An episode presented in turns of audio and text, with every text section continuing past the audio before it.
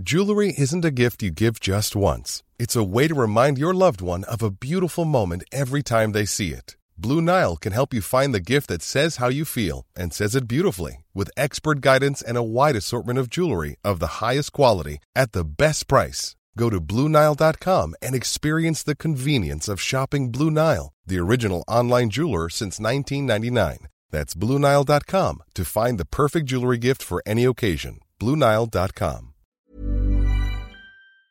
Nu närmar det sig, hörni, Holy Craps Retreat. Äntligen är det dags med våra healing retreats som återkommer varje år och detta år är vi lite extra taggade för vi kommer faktiskt att erbjuda ett retreat i Portugal, där jag sitter nu. Ja, och det är inte vilken plats som helst, den här platsen. Jag är bara än så länge sett på bilder, men vi ska ju faktiskt åka dit tillsammans snart. Och den ser helt magisk ut. Ja. Nej, men jag kan känna in känslan av att bara gå runt på den här platsen. Och allt vi kommer jobba med och Nej, men, alla uh... fina möten och nej, den kommer hålla, det känns som att det kommer liksom, känslorna kommer kunna bara rinna ut i den här vackra jorden. Och det kommer vara eh, varma poolbad och det kommer vara, det kommer vara som en ljuv dröm. Ja, själva healingrummet där vi kommer ha klasserna har väl jättehögt i tak så det kommer finnas rum för så mycket expansion och växande i den här liksom underbara salen och eh, Nej men var, alltså varje gång jag tänker på det här retreatet så pirrar det i hela, hela Ja, jag känner samma. Ja, det är så otroligt kul. Så... Man känner energin bara zzz, Ja, jag vet, jag vet. Life force is flowing. Okej, okay, men detta datumet är 29 augusti till 1 september. Det är fyra dagar av ljuv Portugal, luft och magi. Och sen två veckor senare, den 12 september till 15 september, så ses vi hemma på underbara bäddar och ängar på Österlen för vår tredje omgång där. Och där har ni säkert sett och hört. Och det känns ju bara så hem, alltså det känns verkligen som att komma hem. Ja. Alltså där, det, man, vi känner liksom väggarna, vi känner hela auran, själen av och ängar och det öppnar också upp för ett väldigt tryggt och hållande och kärleksfullt space och vi kommer ju ha med oss våra fina foodgeeks även denna gången. Mm. Så in och spana in på holocrapco.com för att läsa mer om de här två fantastiska retreatsen så ses vi i sommar.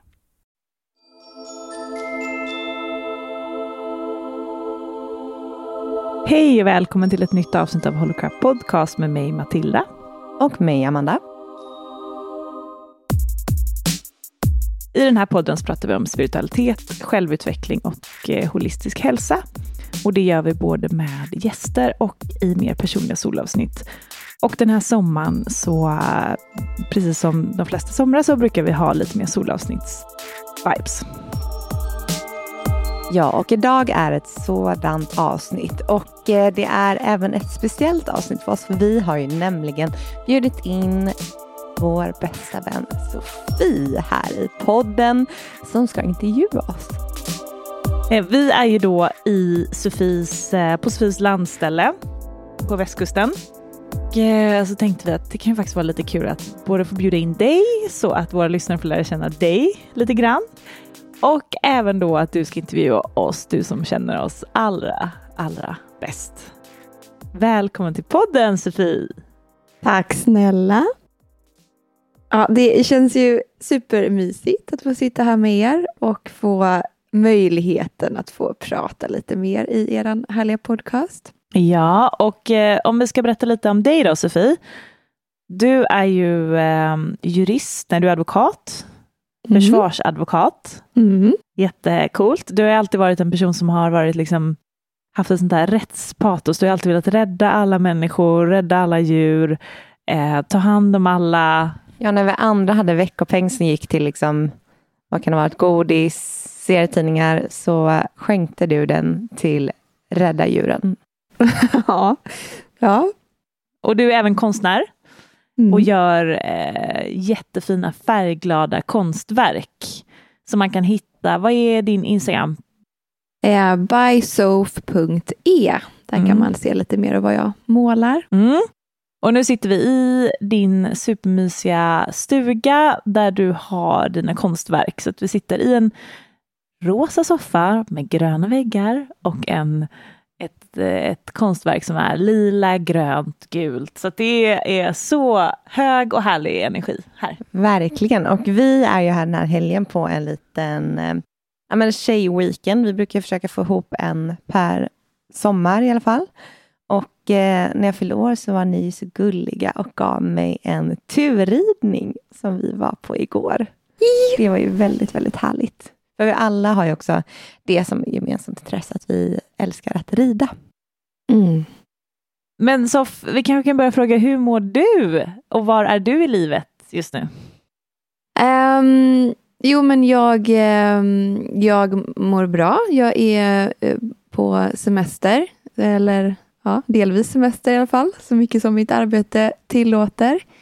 Um, jag eh, ja, men befinner mig i en um, väldigt spännande tid i livet just nu. Um, det är mycket som börjar landa i mig med vad jag vill göra framöver.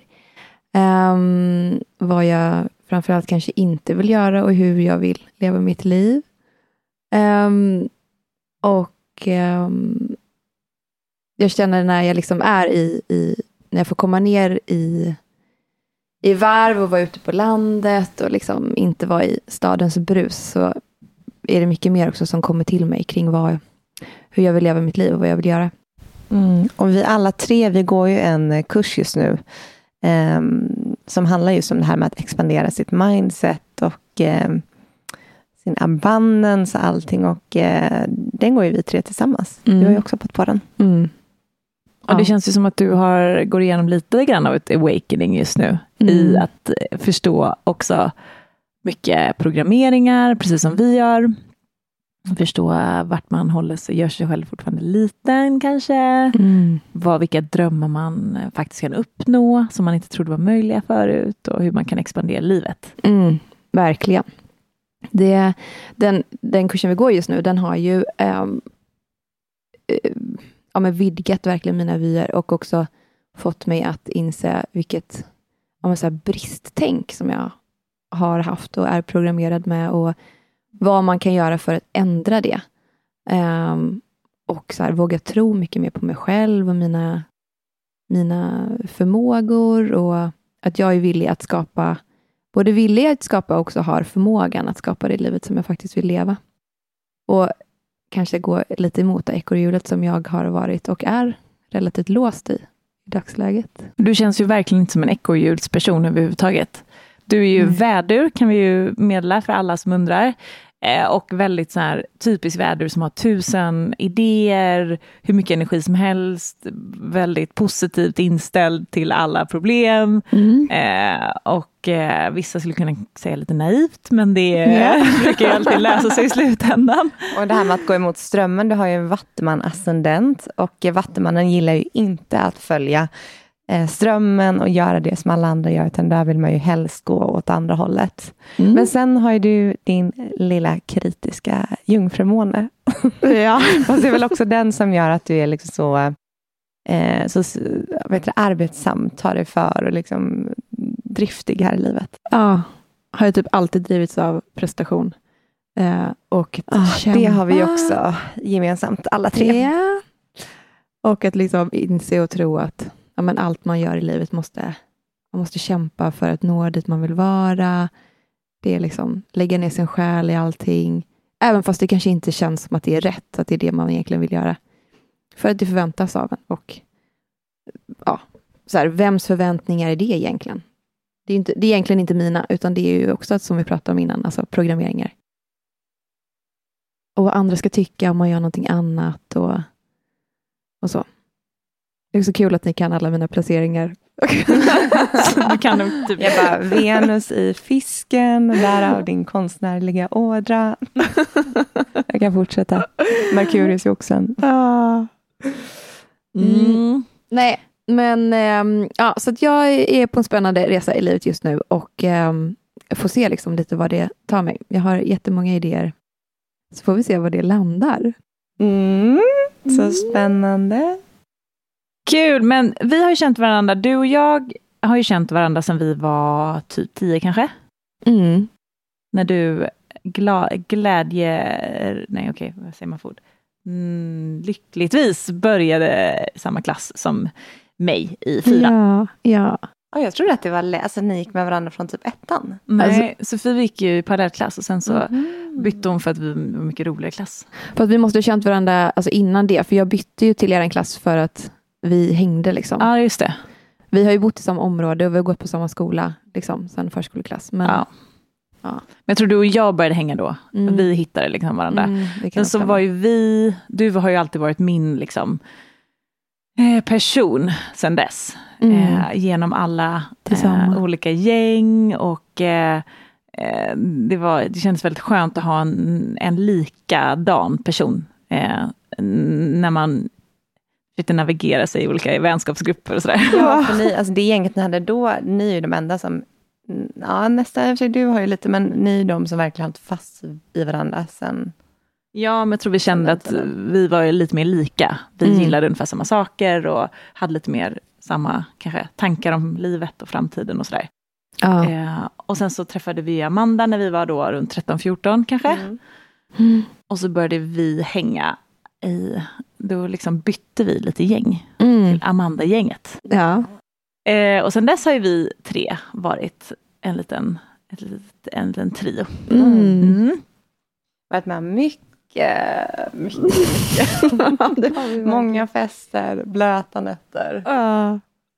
Så det minnen. Ja, det var kul, igår kväll så satt vi och eh, Facebookade upp många av de så här gamla, Jävla ragg. så gamla raggen och liksom killarna som de var... coola killarna på Ja. den tiden. Och vad har hänt sen? Och vi pratade om något minnen av nyår. När jag vet att vi drack absint. Så jag var väl typ så här 17, 16 Åh. typ. Du kommer hem på natten, säger till din mamma och pappa att Amanda ligger på vinden och de går upp där på natten för att leta efter mig på den här iskalla vinden.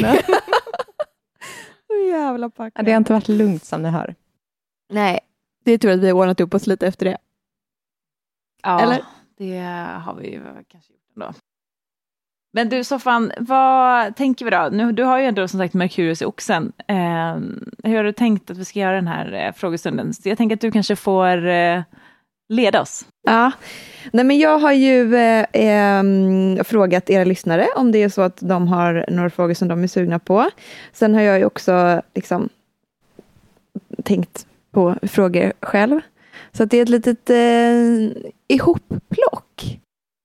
Och det är flera av era lyssnare också som liksom har varit inne på samma frågor som jag själv har tänkt. Så det, det, det ser jag också som ett sign av att det är lite frågor som Jag, Ska jag jag komma kan upp? också fråga dig eh, innan vi drar igång, hur är du liksom på den här spirrig... Som, vad, vad tycker du om, om det vi pratar om i podden och lyssnar du på podden? Mm, det gör jag absolut. Jag, alltså jag har ju haft eh, förmånen att ha er i mitt liv så länge. så jag har ju lite, oavsett om jag vill eller inte, fått vara en del av den här eh, världen. Ehm, sen har jag inte så mycket vänner runt omkring mig i övrigt som är liksom spirrig på det sättet. Men jag eh, själv känner ju att jag är det. Eh, sen så är det ju olika saker som liksom jag känner ligger mig närmare hjärtat än andra. Men jag tycker att det är liksom sjukt spännande, allt det som ni håller på med. Mm. Och jag är väldigt liksom imponerad också över den resan som ni har gjort och att ni liksom har vågat också stå kvar och stå fast i det här. För det är ju ett, ändå ett samtalsämne och ett område som är... Det finns många kritiker. Jag lever ju kanske tillsammans med en av de största. Kanske.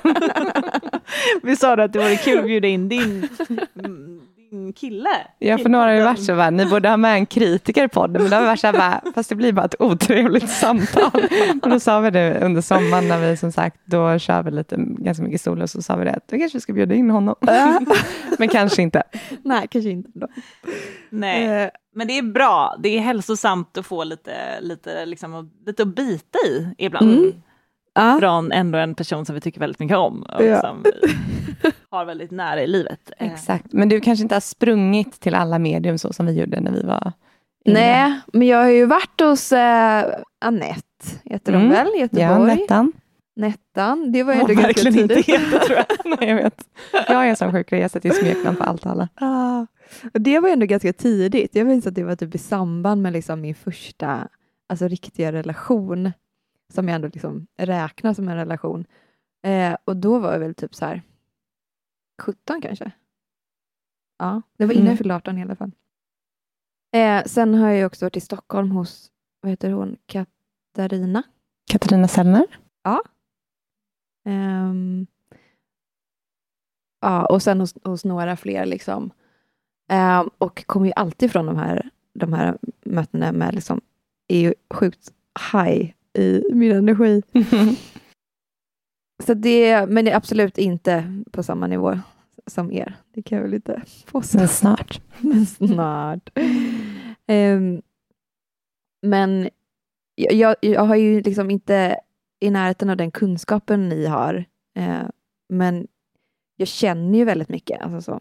Jag har, ehm, och jag har också svårt kanske att förklara det alltid, utan det är, det är mer upplevelser eller känslor, Mm. eller kommer till mig i form av liksom intuition. Och, Men det var lite det Mm. vi pratade om igår med din eh, man, att Mm. det är ju em, svårt när man ska logiskt och liksom vetenskapligt försöka förklara den här Mm. världen, för det är ju väldigt mycket, det handlar väldigt mycket om en känsla och en upplevelse. Mm. Du behöver ju uppleva det och det är jättesvårt förstår jag när man inte själv har upplevt så mycket Nej. att kunna prata, alltså Mm. kunna föra samtal om det. För Mm. att det är så otroligt abstrakt. Vad ska man prata om? Man ser det inte, man kan inte ta på det. det liksom. Ibland får man typ använda alltså, alltså, sunt förnuft och förstå att vi kan inte förklara allt i världen. Var som, vi var på ett surfcamp nu i sommar, jag och Matilda, sen pratade vi med en kille där som, och då började vi prata om aliens. Så här bara, Tror du på aliens? För han bara, nej, inte så länge man inte kan bevisa. Och då sa Mm. jag, men det finns ju liksom 2000 miljarder galaxer där ute. Mm. Då kan du väl förstå, alltså så här, med sunt förnuft, att det lär ju finnas liv. Men då Mm. var han fast beslut om att så länge de inte bevisar det, då finns det inte. Ja, ja, det tror jag ändå min, min sambo på.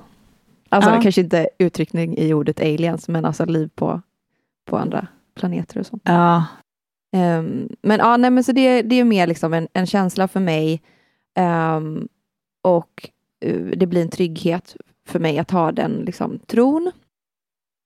Och sen är det samma sak typ när jag målar och så. Alltså jag vet ju aldrig vad jag ska måla på förhand.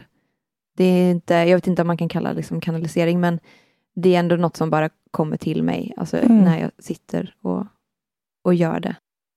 Så det, det yttrar sig på, på olika sätt.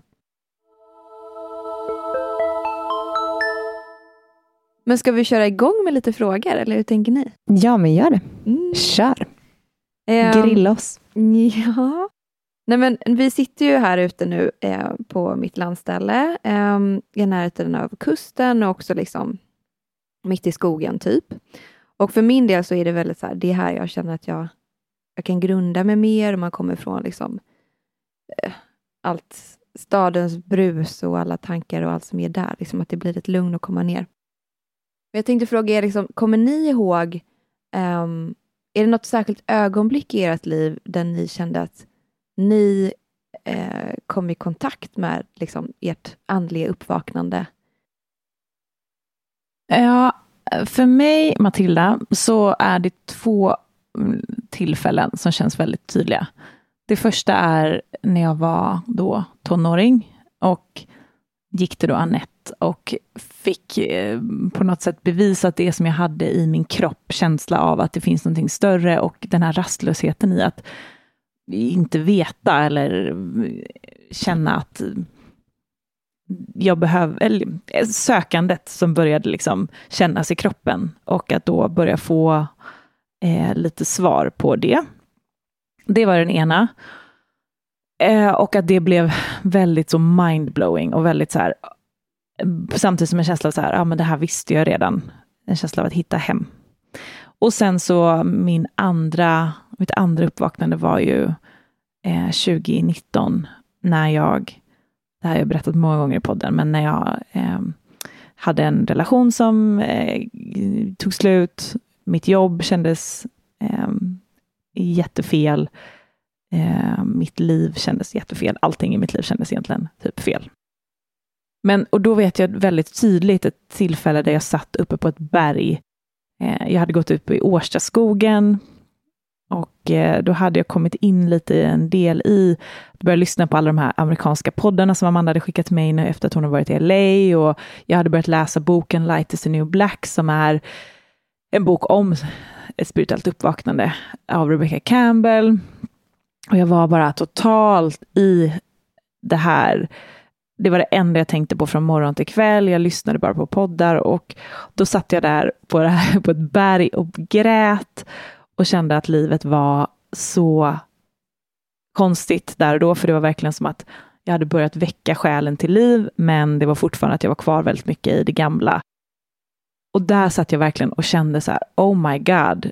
Det var nog inte att jag upptäckte det spirituella, för det hade jag ju upptäckt innan då, när jag var tonåring, så det var inte så, men det var fortfarande en, en som att det hände någonting med kroppen, som att kroppen liksom kroppen uppgraderades eller som att som sagt själen väcktes. Eller, det var en väldigt kroppslig upplevelse av, att, av ett uppvaknande. Uh, och sen dess så har jag känt mig väldigt annorlunda. Och det var mm. också efter det ögonblicket som jag började förändra mitt liv. Mm. Uh, just då slutade med många vanor, uh, bytte umgänge och bytte jobb och eh, vi startade podden och så vidare. Och så vidare. Sen kan ni ju resten av storyn. Men, ja, så det var två sådana ögonblick som jag minns väldigt tydliga. Och som är sådana riktiga skiften i mitt liv på något sätt. Där det kändes som att jag tappade in i mitt högre jag. Eller mitt, det är akashiska krönikan eller vad det än är, men jag verkligen kom i kontakt med, eh, med själen. Mm. Mm. Ja, och jag minns också eh, två tillfällen som har betytt mycket för mig. Eh, dels var det 2012, vilket är ett eh, jätteår för mig när det kommer till liksom, det spirituella. För det var också året jag träffade Marcus. Vi blev tillsammans. Eh, men sen gjorde vi ganska så här, abrupt slut några månader senare. Och eh, jag gick in i liksom en så ganska så tung, mörk period. Det här var på hösten 2012.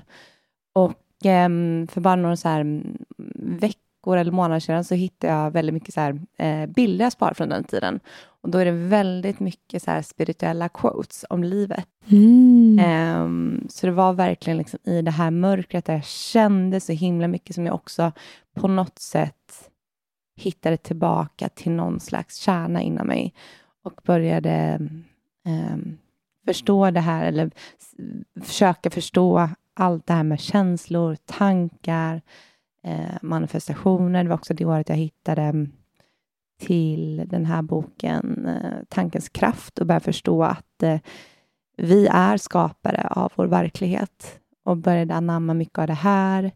Um, och det var någonting som skiftade i mig det året. Jag vet att det var någonting som ankrade in och jag fick en mycket större känslighet i livet än vad jag haft innan. Um, det var som att det var något djupt sår eller vad kan det vara, skär, det var någonting som bara berördes i mig under den perioden. Och um, jag tänkte ju att Markus var den jag skulle vara med och sen så blev jag så himla det var som att jag blev så, så rubbad i allting när vi gjorde slut sen. För jag tänkte så här, aha, var det inte det här som jag har sett? Var det inte han? Mm. Eh, började ifrågasätta mycket i livet och sen sitter vi tillbaka till varandra bara några månader senare. Eh, men det är ett sånt stort skifte när jag vet att mycket av det spirituella kom in i mitt liv igen. Eh, mycket meditation, började utforska väldigt mycket inom det spirituella.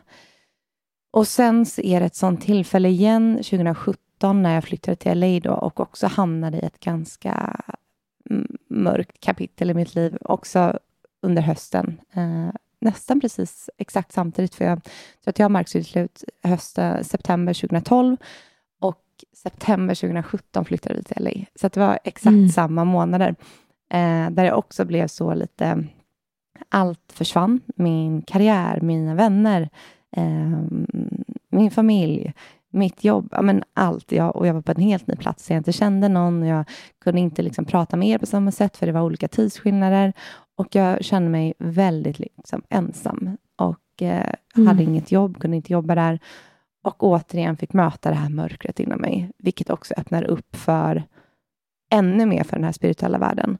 Och jag minns så starkt under den här perioden hur jag också förstod hur allt hängde samman, hur vi alla är sammankopplade till till en, till en källa. Och jag vet, jag lyssnade på lite avsnitt där precis i början när vi startade den här podden. Och jag säger det liksom så här, i varann, varannat avsnitt säger jag, vi är en, vi alla är en. det var som att det liksom förankrades så hårt i mig under den perioden. Uh. Och jag vet att det skiftade mitt sätt i att se på världen, se på andra människor och eh, förstod att när jag ger kärlek till andra är det då ger jag kärlek till mig själv. Mm. Och börjar bemöta alla med så mycket större empati och mycket större kärlek och verkligen såg världen på helt nya ögon. Och så här, färgerna blev starkare, maten smakade mer och det var som att jag omvandlade det här mörkret till ett sånt ljus under den perioden. Eh, så det är två sådana jätteskiften som jag vet att där händer det saker. Det var som att mm. eh, nycklar låste upp delar i mig under de perioderna. Um, och jag börjar komma också till en punkt när jag känner ett behov av att av ensamhet, jag kanske åka bort själv, eh, lite så här plugga ur. Så att jag tror att det är en sån ny fas som håller på att födas, där jag kanske behöver lite skärma av mig. Nu kan jag inte göra på samma sätt i och med att jag har en son och vi har holy crap allting, men jag har fått till mig jättestarkt att kanske så här hyra ett hus någon gång någonstans och bara så här under en helg, weekend och bara stänga ut omvärlden, stänga av mobilen och bara vara. Mm. Vi får se mm. vad som händer. Ja, ja, mm. vad fint. Och jag tänker också så här, om jag ska ta mig tillbaka lite till den ändå så här turbulenta tiden det var att vara tonåring och så många olika vänskaper och man skulle passa in i olika gäng och man skulle liksom vara, ja, vara en rolig person på fest och man skulle, ja, det var så mycket krav. Alltså minns ni att ni redan då hade varandra i det här spirituella tänket? Alltså när vi var liksom pubertala tonåringar. mm, nej, jag tror att det kom in när vi var 16-17. Vi kommer inte ihåg exakt året. Jag vet att min morfar dog när jag var 16 och då gick mamma till ett medium som sen tipsade oss om ett medium. Uh. Så jag tror det var den åldersgruppen, men efter det, ja, så började vi ju direkt efter det att läsa massa böcker och det var mycket Benny Rosenqvist och mycket de här, det var ju typ de som fanns då. Mm. Eh, så efter det så ja, och framför allt väldigt mycket i när vi pluggade på universitetet och var i två olika städer och hade hur mycket liksom, killproblem och kompisproblem och du vet så här ångestfyllda eh, ämnen att prata om. Ja, för det minns jag jättestarkt under tiden vi pluggade, att vi, jag kunde ligga där i Jönköping och prata, liksom, vi kunde prata i timmar om allting som skedde, du vet, efter typ så här, framförallt efter liksom helgen när det varit mycket fest och mycket som har hänt och ah, vi kunde prata om allt liksom, i liksom, timmar med så här, vad det här det här betydde, vad vi skulle lära oss det här och vad som var meningen och, och det vet jag var väldigt skönt, att ha den vinkeln och inte bara helt um, sugas upp i det här pluggandet och festlivet och, och allting. Jag, jag har alltid känt mig alltså väldigt liksom, ändå högkänslig och känslig. Mm. Och när jag ser tillbaka så har jag använt alkohol mycket i sociala tillfällen för att orka, för att stänga av min högkänslighet lite. Uh. Eh, för att jag tyckte att det varit jobbigt att men vara i vissa miljöer och inte känt mig så bekväm och nästan känt att så här, okay, efter några glas, då kan jag stänga av. Då kan jag stänga ner min högkänslighet och bara liksom ha kul. Mm. Jag kom på, jag vet inte om jag sa det här i podden, hur jag använde alkohol.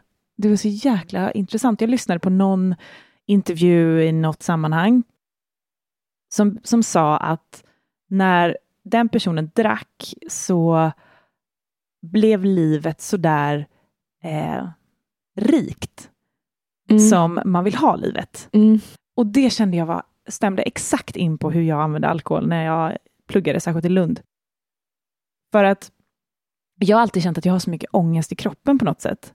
Att eh, det är som att jag vet att livet kan vara extas och mycket av det som jag upplever livet nu, fast utan alkohol, men att det är liksom ett rikt inre liv eh, och ett, eh, vad ska man säga, ett eh, bubblande celler typ. Eh, det kunde jag känna på alkohol, att så här, det blev det här, ehm, eh, ja men, jag vet inte vad jag ska använda för ord. Ja, men det var som att, det, konstigt nog, för att du beskriver det som en, att det var för att stänga av. Och visst gör man ju det, men på något sätt var det som att jag väcktes till liv nästan. Mm. Så också stänga av, men samtidigt så här, alltså stänga av den här högkänsligheten, men samtidigt gå in i bara det här, jag bryr mig inte. Alltså det var skönt, alltså för mig var det att jag stängde av liksom det här högkänsliga, det här liksom, lite som du säger, ångest, oro, känna in och liksom empaten. Och bara så här gå in i någon så här flykt där allt bara var bubblande, härligt och man fick liksom så här, man, man var lite så här, ah, man, man sket i vilket och bara typ... Man kunde fokusera lite på det som var kanske rikt Ja, men bara gå in också. i leken lite, tycker jag. Mm. Ja, men kanske att det är så. Eh, precis, att det var så otroligt mycket ångesttankar i mig mm. hela tiden. Eh, i, så att, ja, det var väl okay, det var väl det. Stänga av. Men det var samtidigt, eh, det var, no, det var någonting i det där som den personen beskrev, att det var som att jag kunde gå in i det var väl det, och faktiskt mm. vara lycklig. Eh, ja. Ja, tills dess att man vaknade upp dagen efter och mådde typ värre än någonsin. Ångesten var ju liksom, för det var precis som att man övat, dövat all ångest alltså under ja. dygnet. Ja. Sen vaknar man upp och sen är det som att allt bara sköljer över en deluxe. Mm. Och då blir ju världen ganska mörk. Mm. Alltså verkligen. Men ja, den här längtan har ju ändå funnits i sökandet hela tiden efter att få känna sig levande. Och jag kände mig inte levande. Jag vet inte om jag, jag kan inte minnas att jag kände mig levande förrän nu. Nej.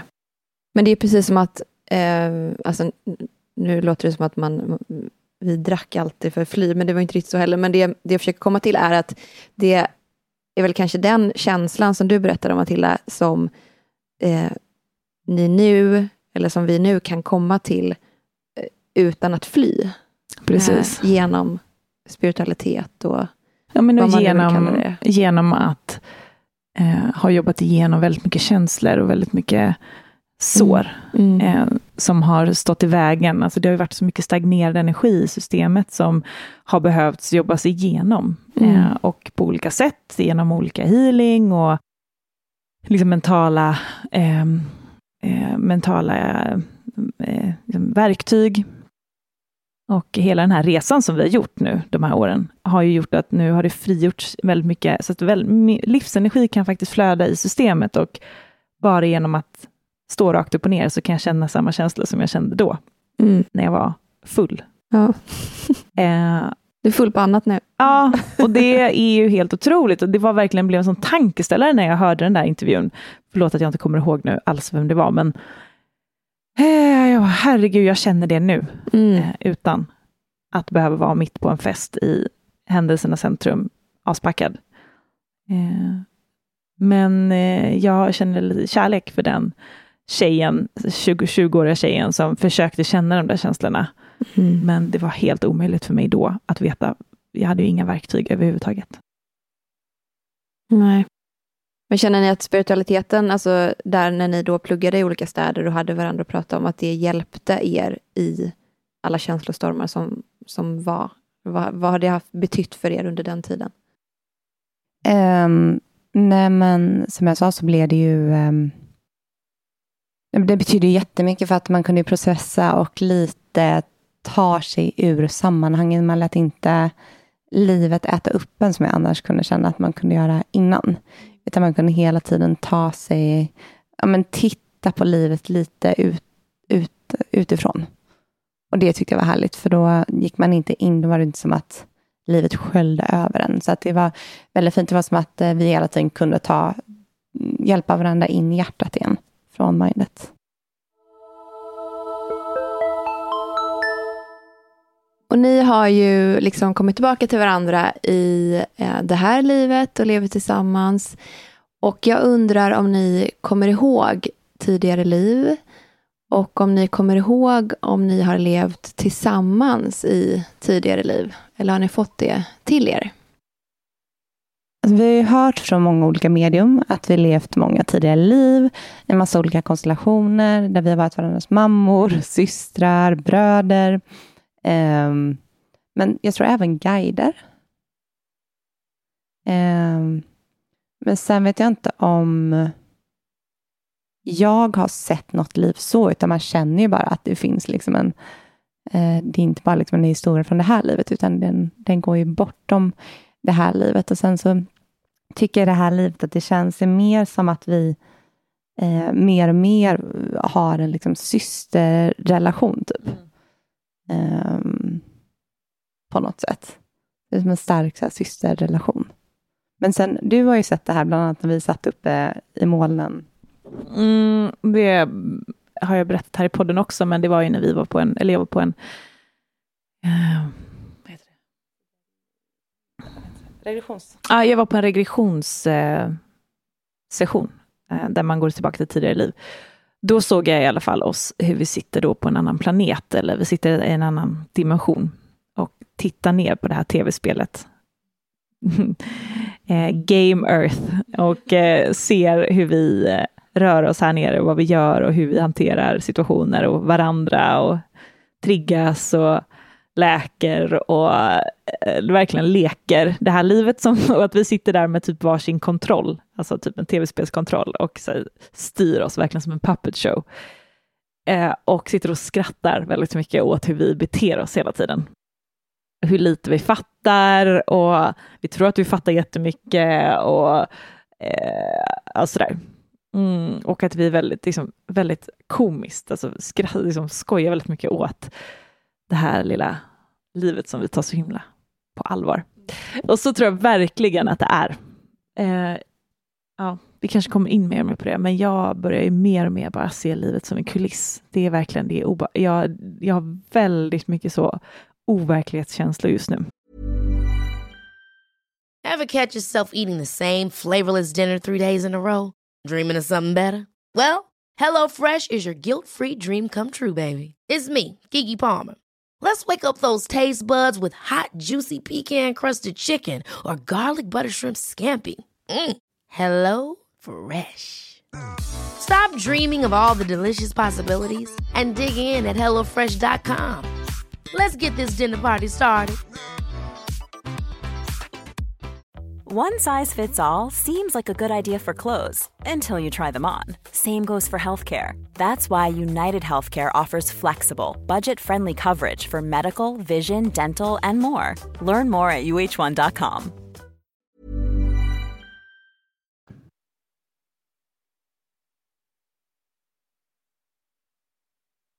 Jag tänker bara nu när vi har chansen, nu när vi faktiskt spelar in en, en podd. Vi måste ju prata lite om vad som har hänt i amerikanska kongressen. Eh, vi har ju eh, ett eh, favoritämne och det är ju aliens. Vi tycker att det är väldigt kul. Framförallt Amanda är mer än vad jag är. Som vi har pratat om förut så är du mer intresserad av liksom, eh, det här, ja, men så här beings och så.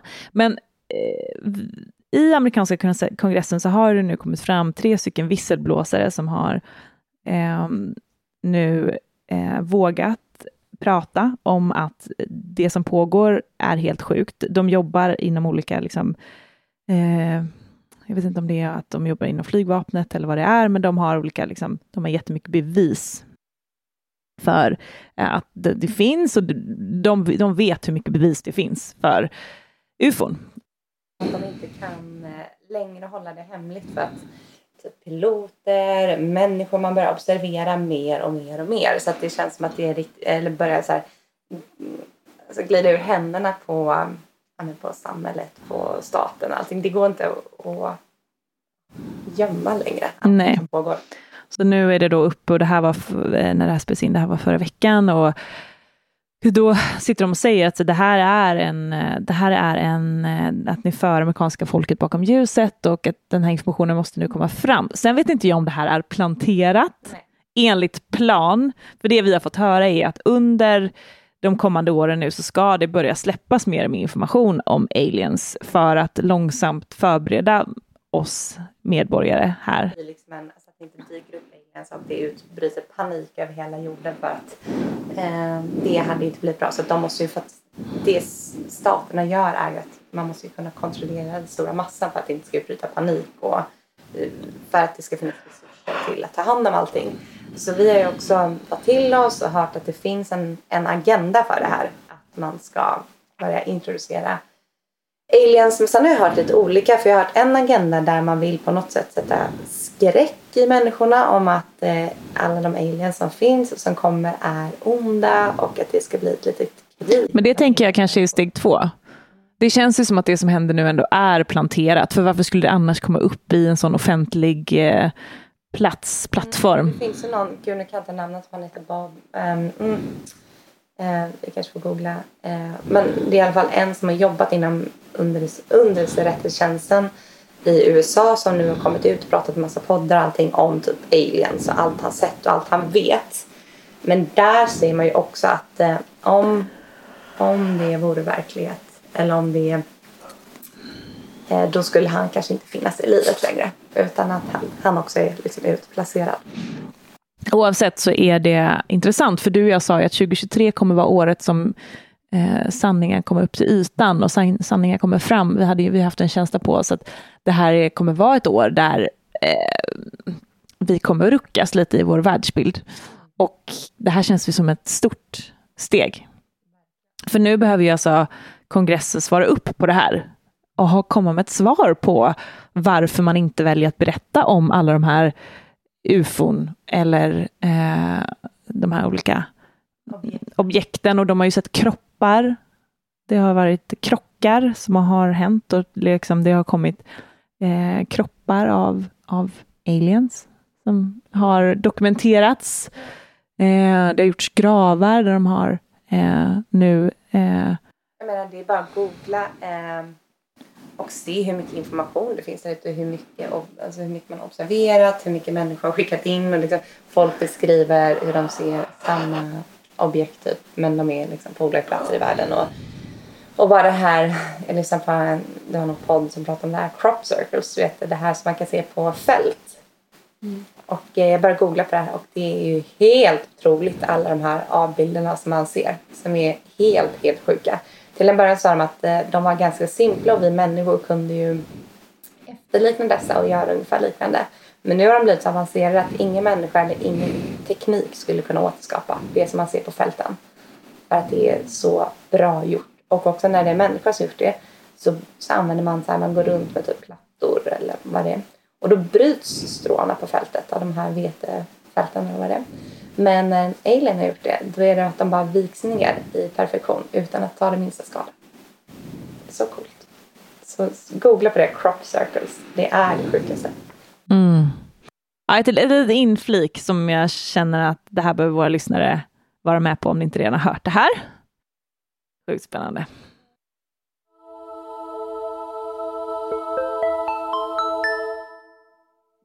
Och sen tar jag tillbaka oss lite till frågor om er. Och en fråga som eh, vi fick från en lyssnare, det är vad är det finaste och också det mest triggande med varandra? Oj, oj, oj. De, alltså två olika saker då, antar jag. Eh, om jag börjar med det mest triggande. Gud vad svårt, det här hade man ju velat förbereda lite grann. Eh, jag tror att det mest triggande är att vi, att vi är så olika. Eh, att vi har nästan eh, olika, alltså vi har, vi har nästan exakt spegelbild av varandra e egenskapsmässigt och personlighetsmässigt på många sätt. Eh, och det här kan ju göra att det som jag tycker är jätteviktigt, tycker inte Amanda är viktigt och tvärtom. Eh, och det är ju för att vi är här för att spegla varandra till tusen procent. För att få varandra att växa i det här livet. Det är väldigt, väldigt tydligt. Um, så det kan vara till exempel, jag har känslor ofta av att här, jag vill att saker och ting ska gå fort, medan Amanda vill tänka efter och känna in. Så jag tror, att det, jag tror att det kan vara jag tror det kan vara det som jag tycker är mest triggande, att vi har olika sätt att se, i jobbet, vi har olika sätt att se på, eh, på saker och ting. Och det kan göra att jag får hela tiden så här, överväga och re-evaluate. Okej, okay, är det här viktigt? Behöver det här gå fort? Eh, som manifesting generator, jag hade ju velat bara spida på och liksom springa på eh, i ilfart, vilket jag har gjort tidigare, att det har ju också eh, gått väldigt fel och saker och ting blir ju inte så hållbara och sådär. Eh, och det är också det som gör att allting vi gör med Holocrap blir väldigt fint och väldigt hög kvalitet och hållbart. Men det är frustrerande, tycker jag. Eh, och det all det finaste är ju mycket lättare. Eh, det är att eh, Amanda har världens största hjärta. Och är så kärleksfull mot allt och alla. Och verkligen ser människor för det de är. Inte för prestation, inte för eh, yta, eh, utan verkligen har en förmåga att se människor på djupet. Eh, ja. Så fint, en liten kärleksförklaring. Okej, okay, men jag kanske också ska börja med um, det mest triggade, men uh, det var så fint. Tack. Um, nej, men där håller jag ju med uh, dig till stor del, att vi är ju väldigt olika som personer. Uh, och ha två hjärnor som delvis fungerar på samma sätt, men delvis inte alls fungerar på samma sätt. Där vi har också olika liksom, beröringspunkter för vad man tycker är viktigt och inte viktigt. Och hur man kanske visar uppskattning till den andra, där vi också liksom, kanske olika. Um, men um, alltså det är ju svårt att peka ut det här triggar mig mest, för att man går ju hela tiden tillbaka i en trigg till att kolla på varför triggar det här mig? Vad är det i mig som gör att jag blir triggad? Um, och om när det kommer till liksom hur vi gör saker och ting um, så, så är vi olika där också.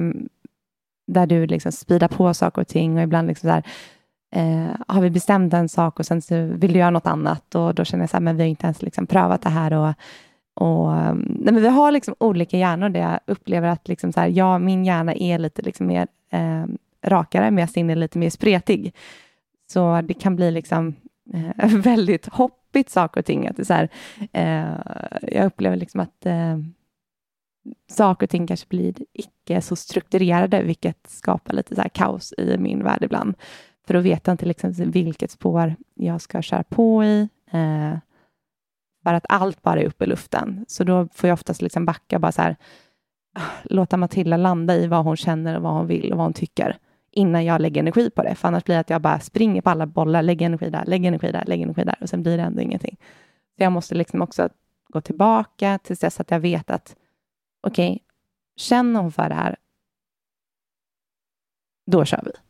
Annars har jag lärt mig att inte springa på alla bollar. För att då har jag liksom ingen energi kvar till någonting. eh, så det är väl en sak det här med att eh, vi har olika sätt att eh, göra saker och ting på, men det är också det som, eh, som skapar liksom energin i bolaget.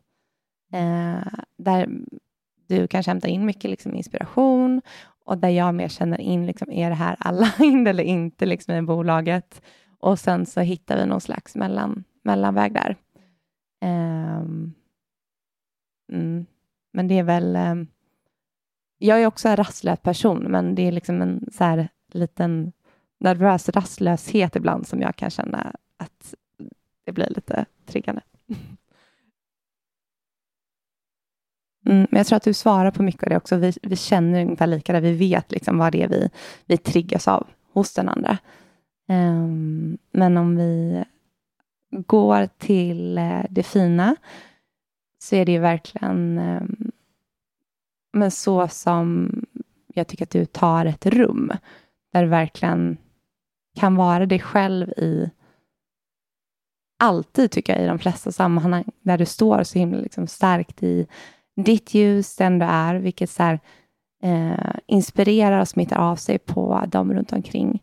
Och där du också är som du ser verkligen de du har framför dig och är väldigt, väldigt intresserad och ställer mycket frågor. Verkligen så här, eh, man har liksom din fulla, fulla uppmärksamhet.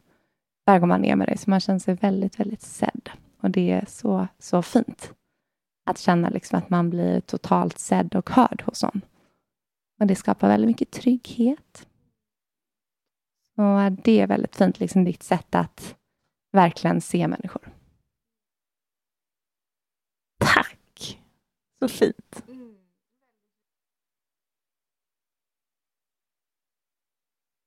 Och nu, nu är vi ju, har vi ju en del kvar på det här året, men har ni eh, några lärdomar som ni har fått hittills i år som ni vill dela med er av? Mm, lär, oh, gud. Alltså jag tycker så här, man får nya lärdomar typ varje vecka i princip. Um, men de största lärdomarna det här året um, när jag inte har svaret på en fråga så brukar jag alltid liksom att ta, ja men det är så här, tuna in och nästan så här be om hjälp. Och så här, vad, vad säger mitt hjärta här? Um, men en lärdom för mig det här året har ju verkligen varit här att fortsätta tillåta mig själv att vara hela jag och inte ehm, gömma sidor eh, hos mig själv. Eh, och någonting som jag har varit inne och petat på och utforskat är verkligen så här, eh, självkärlek, kärleken till mig själv och att tillåta mig själv att älska hela mig och eh, tillåta mig själv att känna mig vacker, tillåta mig själv att eh, vara den jag är och inte tvinga in mig själv eh, i former där jag inte liksom passar in. Eh, så det är någonting som kommer tillbaka till mig väldigt mycket hela tiden. Och också det här med vetskapen om att eh, allt sker i perfekt timing. Så fort du känner att du måste pusha saker och ting så är det inte rätt. Utan då är det bättre att ta ett steg tillbaka och verkligen invänta rätt tillfälle och låta saker och ting ta tid och integreras. Och att inte stressa fram saker och ting i livet. Och det är väl det som eh, Matilda pratade om, som eh, hon känner kan vara en trigg, men som jag jobbar jättemycket med. Att verkligen bromsa mig själv och att våga stanna upp och våga vara i det okända. Det har jag jobbat med jättemycket. Um, för det är också, om man kollar på human design så är jag en, eh, det finns tre olika typer av projectors och jag är en energy projector, vilket gör att eh, jag kan speeda upp i exakt samma de, Det var så ett quote, typ så här, I'm going to be typ så här, the best MJ ever. Du vet, så här, man kollar på hur alla MJs och generators opererar runt omkring mig och sen ska jag liksom bli den bästa MJ ever. Och sen så blir man, blir man det och sen så bränner man ut sig.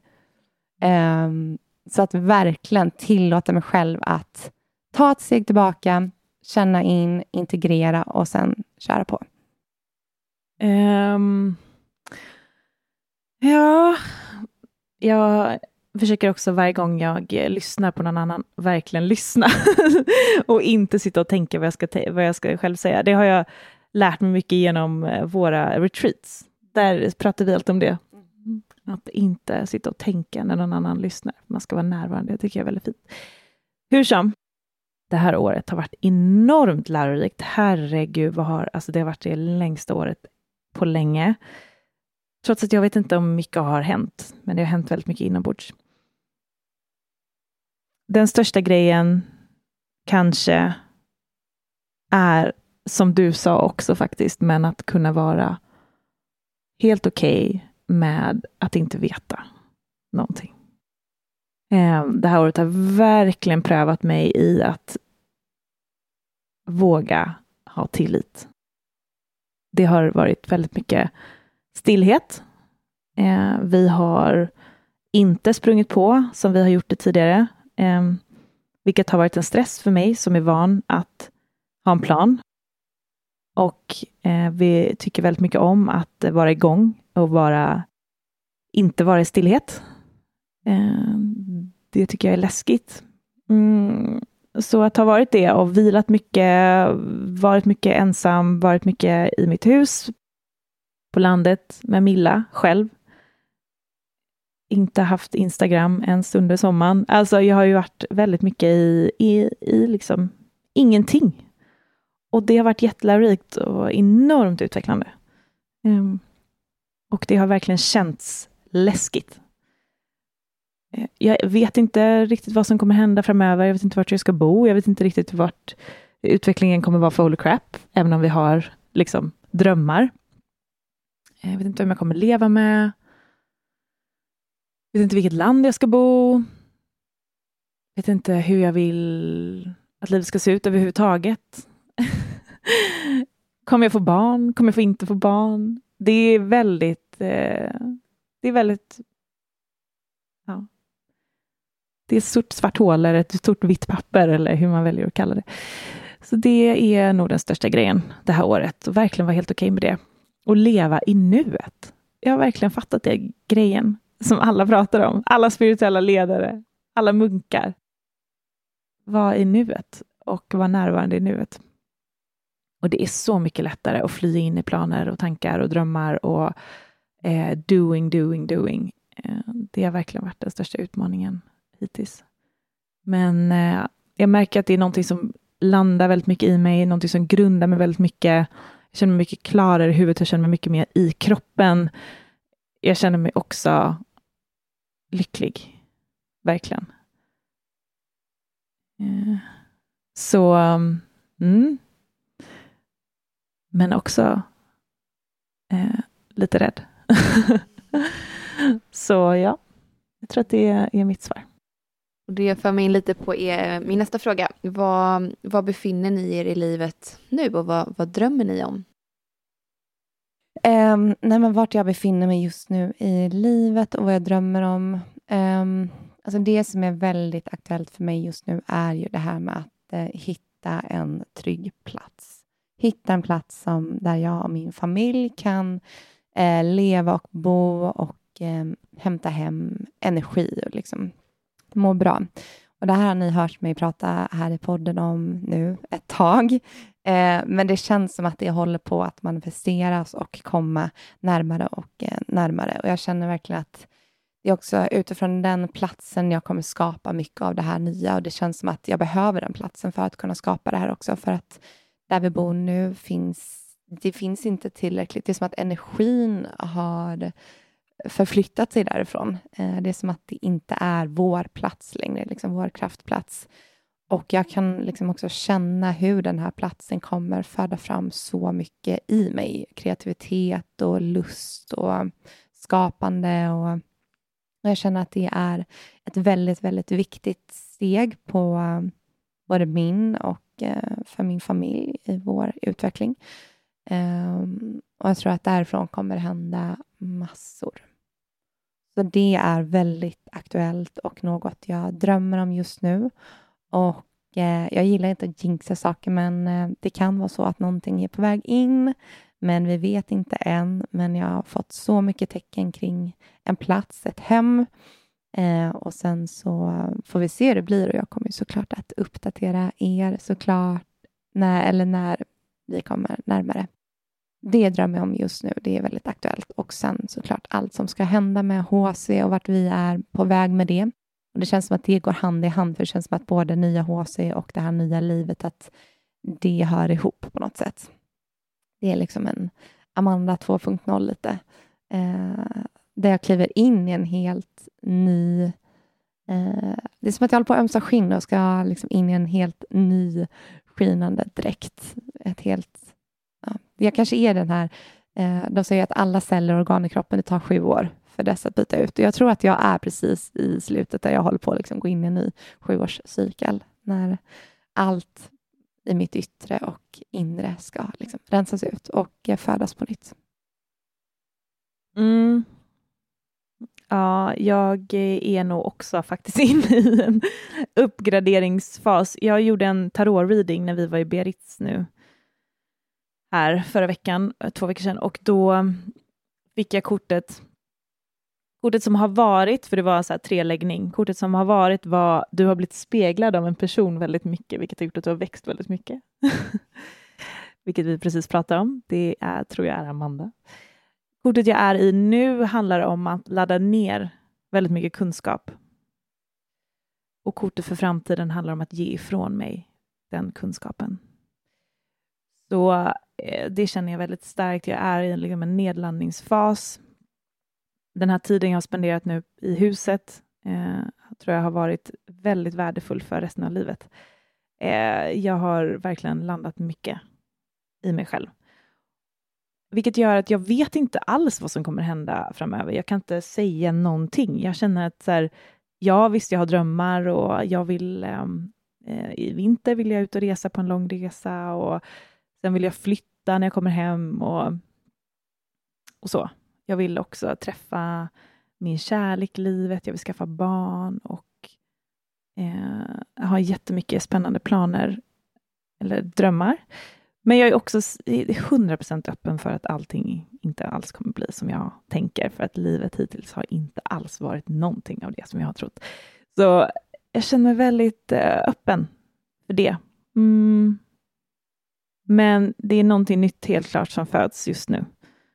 Och jag vet inte fortfarande inte vad det är, men jag och Amanda ska ju sätta oss och skriva en bok under hösten och jag tror att väldigt mycket kommer landa i mig själv i den processen. Den kommer ju vara en bok om allting vi har lärt oss hittills, i princip. Och då tror jag att det kommer liksom läggas ett pussel, eller läggas på plats i med den boken. Det känns som att man kommer så här städa hela sitt inre. um, så vi kan väl höras om ett halvår igen, så får vi se.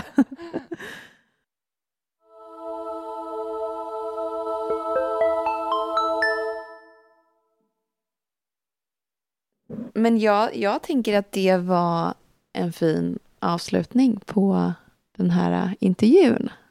Och eh, tack igen för att jag fick hoppa in här och ja, hänga lite i er podd.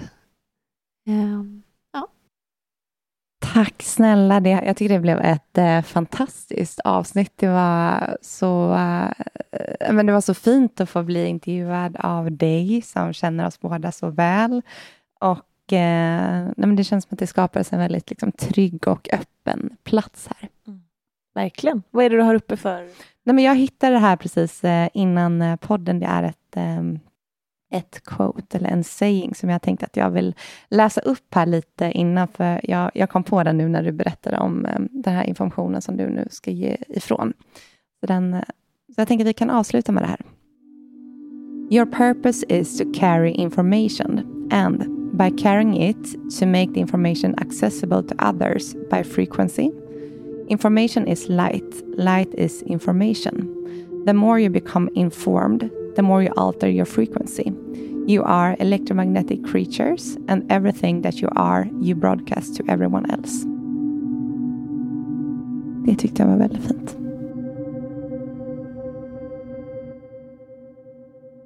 Så tusen tack Sofie för att eh, du höll den här intervjun här idag. Och tack till alla ni som lyssnade. Vi hoppas att ni har en fantastisk sommar och vi kan passa på att berätta att vi har öppnat upp för ett retreat som vi har pratat om lite på Instagram och ni har hört det lite här i podden. Så jag hoppas att vi ses där. Vi har ju några få platser kvar. Mm. 24 till 27 augusti på Österlen på den vackraste platsen, bäddar och ängar. Det kommer bli helt magiskt. Det pirrar i magen när jag tänker på det där retreatet. Så roligt! Ja, så um, tack snälla ni för att ni lyssnade här idag och tack Sofie. Tack ska ni ha. Puss och kram. Puss och kram. Puss och kram.